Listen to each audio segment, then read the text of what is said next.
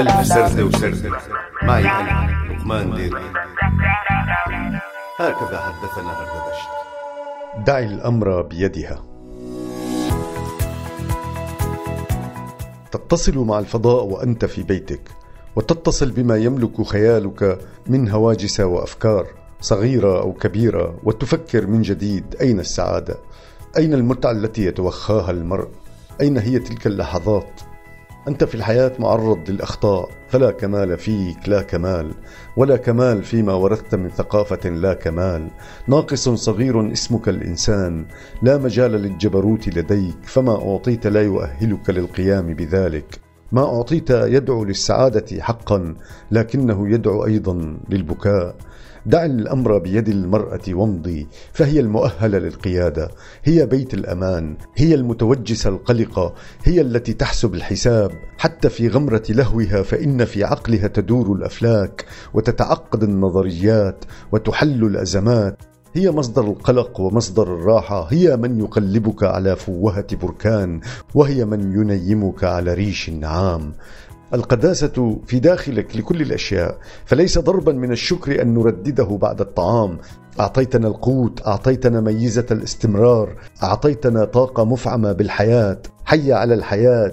حي على الضمير الصاحي في كل لحظة حتى في لحظات السكون. حي على الوضوح حي على الإبهام. لا تلغي الآخرين كي تجد نفسك فوجود نفسك أهم من ذاك.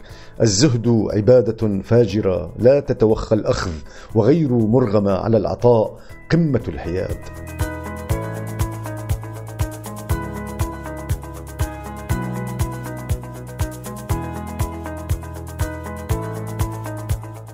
أما الكتاب فيقومون بموقف المتفرج ويدونون زاهدين بالحياة خائفين منها تعلموها عن طريق السمع عن طريق القراءة عن طريق المشاهدة. لم يدخلوا خضمها فخضمها قاع والكاتب يا حسرتي عليه حابب يترفع عن القاع. وإذا قال هنري ميلر إن كان الشاعر في القاع فاقلب المجتمع رأسا على عقب فلا تبتئس. تلك حقيقتك أيها الشاعر. أنت تأتي من القاع ولا تهاجر عنه. رغم قذارته رغم قسوته رغم برودته وظلامه لأنه وطنك. فيه سعادتك فيه لحظات هناءتك التي قدمت ما قدمت كي تحظى بها. فاهنأ في القاع فلا قمة على أرض الحياة. أفضل حالاتك عندما تخرج أوساخك منك تشعر بالاسترخاء وهذا ما عليك فعله باستمرار تتمتع به فهو ما يجدد الدم النظيف داخلك. هو ما يجعل منك كتلة من الإشعاع والبهاء. ماسة نقية تستطيع أن تلمح تكوينها من كل الأنحاء. فتعجب بخلق الله. هؤلاء هم خلق الله. هؤلاء من نفخ فيهم الحياة وعرضهم لشتى الأوقات فكانوا خبرة البشر بعطاءات الإله. تلك العطاءات التي لا يراها غير خلق الله. فالشكر اذا على كل ظرف واجب. شيطانك في داخلك لا يغفر له إلا إذا ألهمك بالإبداع.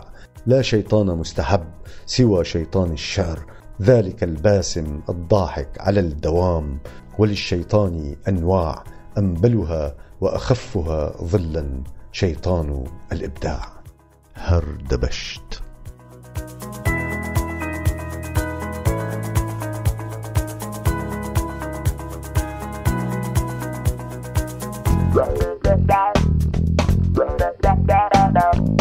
هكذا حدثنا هردبشت.